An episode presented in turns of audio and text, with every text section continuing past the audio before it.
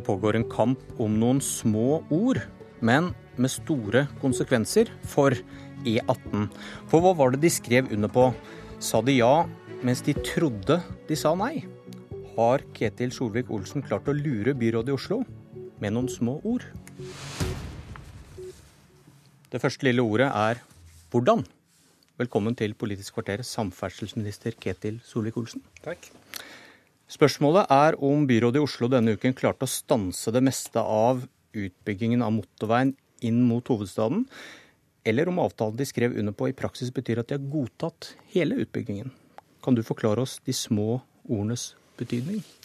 I avtalen eh, bare understreke at jeg har ikke vært inne i forhandlingene, men staten har gjennom Statens vegvesen og Jernbaneverket deltatt. Det, derom strides de lærde, det skal vi komme litt tilbake til. Ja, Men eh, jeg har, eh, altså jeg har lest avtalen grundig, og selvsagt så har vi gitt føringer til Statens vegvesen for hva de kan eh, gå med på og ikke gå med på av det som staten er med og har ansvar for. Og E18 er en statlig vei. Det som en er enige om i avtalen, er at en skal eh, ha en hel strekning, som altså er fra Lysaker til Asker. En er blitt enige om at en skal begynne på strekningen Lysaker-Strand og bygge den såkalte Gjønnes-diagonalen. Det er egentlig det viktigste delen av det prosjektet, spør du meg, men det har blitt utelatt helt i debatten.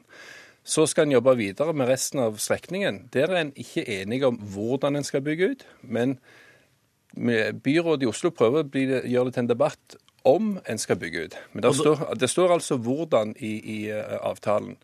Så står det òg helt innledningsvis i hele Oslopakke 3-avtalen at en forholder seg òg til tidligere enighet der en ikke gjør nye vedtak. Og I forrige enighet så var det enighet om at en skulle bygge ut E18 så fort de ulike planprosessene kom på plass. Sånn at det, det, er føringer både fra forrige gang, som en òg mener jeg forsterker denne gangen. At det er, det, det er hele strekningen en snakker om. Men på alle strekninger som er mange mil lange, så pleier en ofte å dele de opp og bygge ut strekk for strekk. Og det viktige her er at det vi bygger, skal du òg kunne ta i bruk så fort som mulig. Derfor har vi fått den oppdelingen som nå er. Men, men, den, du, men du, mener at byrådet i Oslo ikke vedkjenner seg at de har skrevet under på, at, på hvordan hele E18-strekningen skal bygges ut, og ikke om den skal bygges ja. ut. Og Det er veldig viktig å understreke at i teksten så er det òg veldig klart at han sier nå at en setter i gang med første parsell av hele strekningen. Og så understreker han at i, i, i den fasen så kommer det ikke til å være en økning i kapasiteten. rett og slett For mens du bygger, så er det vanskelig å få en økt kapasitet.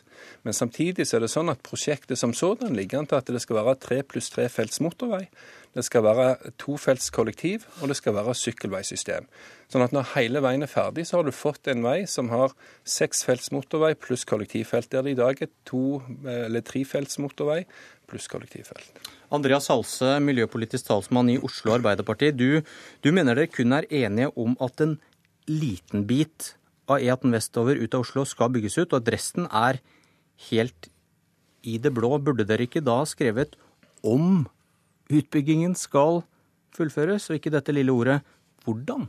Den skal fullføres. Jeg er faktisk ganske enig i ganske mye av det Ketil Solvik-Olsen sa nå, om hvordan, hvordan, han beskrev avtalen. Det det som er faktafeilen her, er jo hvordan han beskriver hva vi har sagt om den. Eh, jeg tror jeg skal rett og slett sitere meg selv ja, fra hva jeg sa på pressekonferansen som ble holdt på mandag. Da sa jeg vi har kuttet prosjektet med 4 milliarder kroner og fått til en nedskalering. Vi har skrevet en avtale som rom, gir rom for tolkning. Vi har skrevet at noe skal skje, men ikke hva som skal skje. Og vi har vist at vi kan vinne fram. For realiteten her er at vi er enige om at på strekningen fra Strand ut forbi Asker, som vi nå, eh, har vi nå avtalt, der kan det skje noe men ikke hva som skal skje.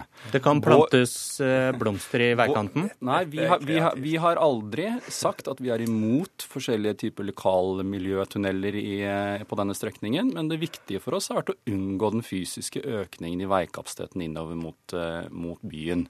I tillegg så er det sånn at i de planene som ble presentert for oss i begynnelsen av januar, når vi begynte å diskutere dette her, her først, så var det fire felt innover mot Oslo i disse planene. Nå får vi et prosjekt som har tre felt innover på strekningen fra Strand-Lysaker. Så både framstillingen av hva vi faktisk har sagt, er direkte feil. Eh, og framstillingen av hva som er endret i avtalen, er nok eh, også litt, eh, litt mangelfull. Men denne ideen om å prøve å presse på byrådet at nå har vi sagt at vi har fått til at vi har kansellert hele greia. Nei, det har vi ikke fått til. Vi har aldri påstått det. Vi vet at kampen om E18 fortsetter. Dette kommer til å bli diskutert etter at nye reguleringsplaner kommer i 2019-2020. Og så kommer det til å være fortsatt diskusjoner om de neste strekningene etter det. Ja, jeg vet godt hva byrådet har sagt, men det kan ikke jeg forholde meg til. For jeg forholder meg til det som ligger i avtalen. Og byrådet sier andre ting enn det som ligger i avtalen. Fordi at de gikk til valg på noe annet enn det som de avtalte. Og da skal de prøve å nedskalere det. Men for det første, den strekningen som nå skal bygges først, Lysaker-Strand, den vil bli tilrettelagt for at det skal være akkurat den motorveidimensjonen som jeg snakker om.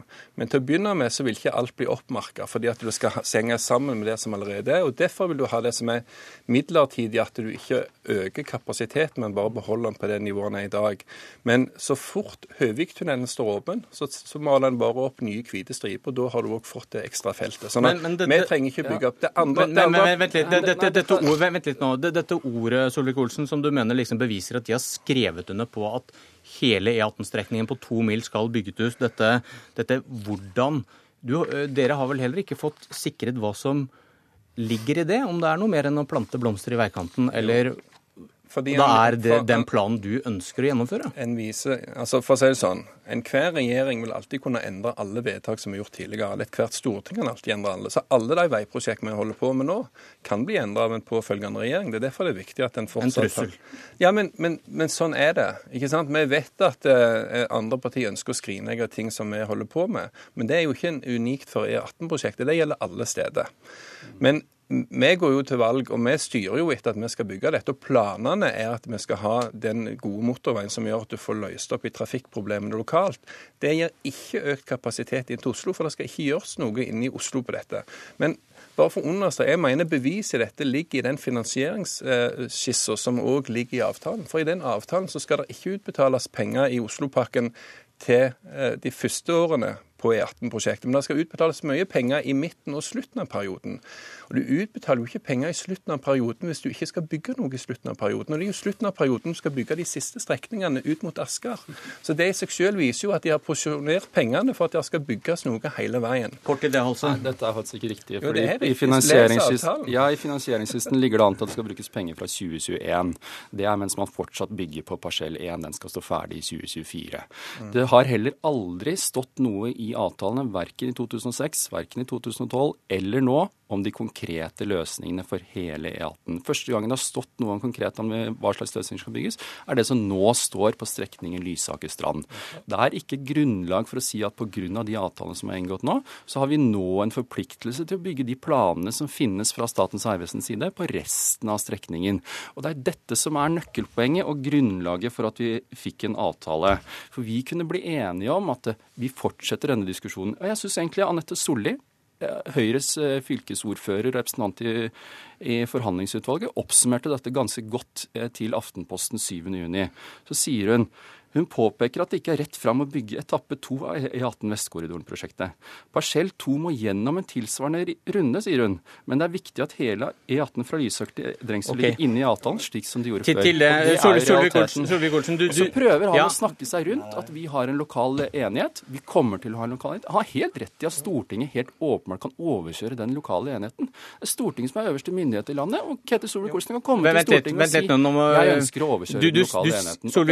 og Solvik-Olsen, du skriver på din blogg om et redusert E18 at regjeringen har hele tiden sagt at det ikke var et aktuelt resultat. Var det da reelle forhandlinger? De, ja, altså Oslopakke 3, han, Oslopakke 3 handler om veldig mye. Ja, men nå, nå snakker vi om E18. Nei, altså, du, du, skriver at dette var ikke aktuelt. Var det da reelle forhandlinger om dette punktet? For du sier at sånn blir det, det var, uansett. Det, det var, har ikke vært aktuelt for oss å, å, ha, å ha en avtale der du nedskalerer E18. Så enkelt er det. Og så er det helt rett. Kan jeg få snakke ferdig? Nei, fordi at så er det riktig, som, som Oslo sier, at det er ikke nødvendigvis en enighet for Oslo at alt du skal bygge ut, men poenget er at dette er statens vei. Det som er viktig for meg, er at det er ingenting i avtalen som hindrer oss. Det er ingen forpliktelse fra noen part som, som nekter staten å gå videre, der vi må på en måte ære en, en, del av avtalen som gjør at vi ikke kan gjøre det vi har rett til. Du blandet du deg i sluttforhandlingene der med å få inn noen spesielle ord? Vi har hele veien gitt føringer til Statens vegvesen og, Jernbaneverket om hva staten skal være med på. Men satt du i praksis i rommet og fjernstyrte Terje Moe Gustavsen? nei, jeg har ikke vært i rommet i hele tatt. Er det riktig? Det altså? eneste, det eneste jeg har gjort, er at jeg hadde et orienteringsmøte i departementet der partene var inne, og der til og med byrådslederen kom med for å sitte og høre på, for han stolte ikke på meg. Men han gikk ut av møtet og sa at dette var veldig ryddig og greit. Halse, er det en riktig framstilling, sånn som du opplevde det er det? riktig at han ikke satt i rommet, men det var vel ganske sterke kommandolinjer som gikk her. Og så er vi uen, uenige om er altså realiteten. Ja, Nå får jeg lov til å snakke er ferdig, Ketil Solvik-Olsen. Vi er uenige om realiteten i avtalen. Han har åpenbart rett som å kommandere Statens vegvesen til å overse det vi har blitt enige om. Han har rett til å be Stortinget til Men om det. Men så er det, så er det de politiske Så er det de drømmesituasjon Ja, så er det de politiske realitetene her. Første, den første delen av eh, av E18 er nedskalert. Det er et faktum. Det skulle egentlig, Hele greia skulle egentlig hatt byggestart 2019. Det er ikke lenger mulig.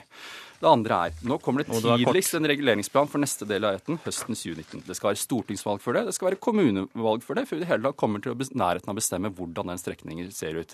Så skjønner jeg at de som vil ha en mest mulig forurensende og en bompengevei og en umoderne øy, ønsker å framstille dette som uunngåelig, men det er rett og slett ikke Ok, tilfellet. du, eh, Velgerne kommer til å ha mange muligheter til å påvirke dette. Om de vil ha Ketil Ja, ja, Solvik-Olsens Sol- bompengeprosjekt, eller om de vil unngå det. Solvik-Olsen, jeg har lest denne avtalen, og den minner meg litt om en annen avtale som ble skrevet i Nydalen.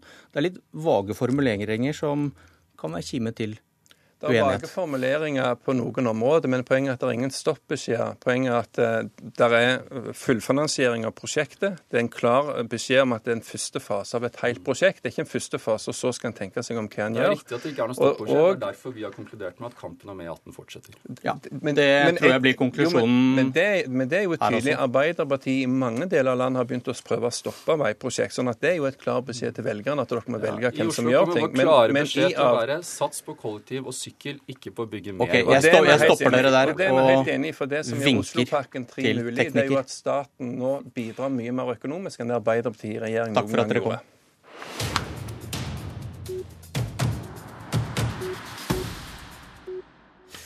Fra små, men viktige ord til små, men viktige velgervandringer. For hadde vi fått en ny regjering hvis NRK sin ferske meningsmåling hadde blitt valgresultatet neste år? Lars Nehru Sand, politisk kommentator i NRK.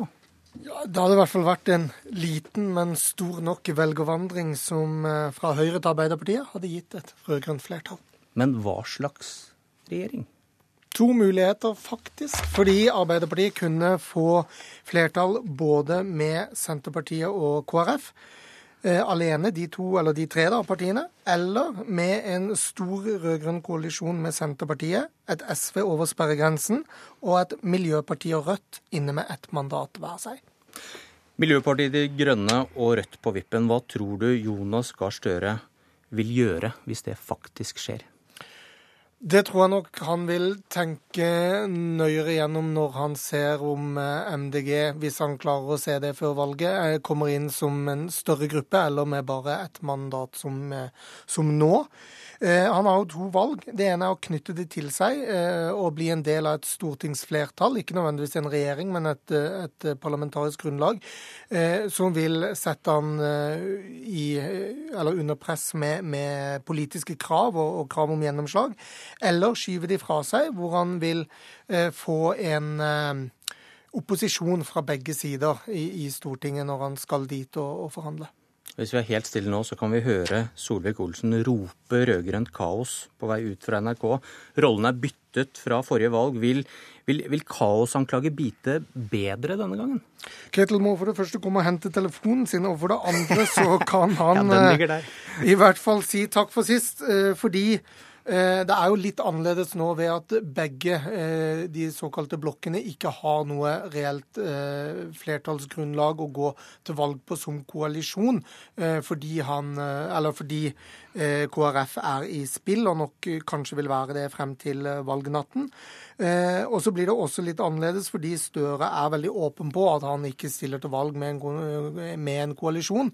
Eh, der man i 13 hadde en Stoltenberg som stilte til valg med en koalisjon, og var opptatt av å anklage eh, Solberg for å ikke ordne opp i hva som var hennes eh, foretrukne flertall. 20 sekunders analyse. Hvorfor mister de borgerlige flertallet på flere målinger nå? styringen går litt tråere. Både flypassasjeravgiften og, og innvandringsinnstramningene gjør at Erna ikke har like god kontroll som hun har hatt tidligere. Da står Solvik-Olsen og leter etter mobilen som ligger her inne i studio. Dette var Politisk kvarter. Jeg heter Bjørn Myklebust.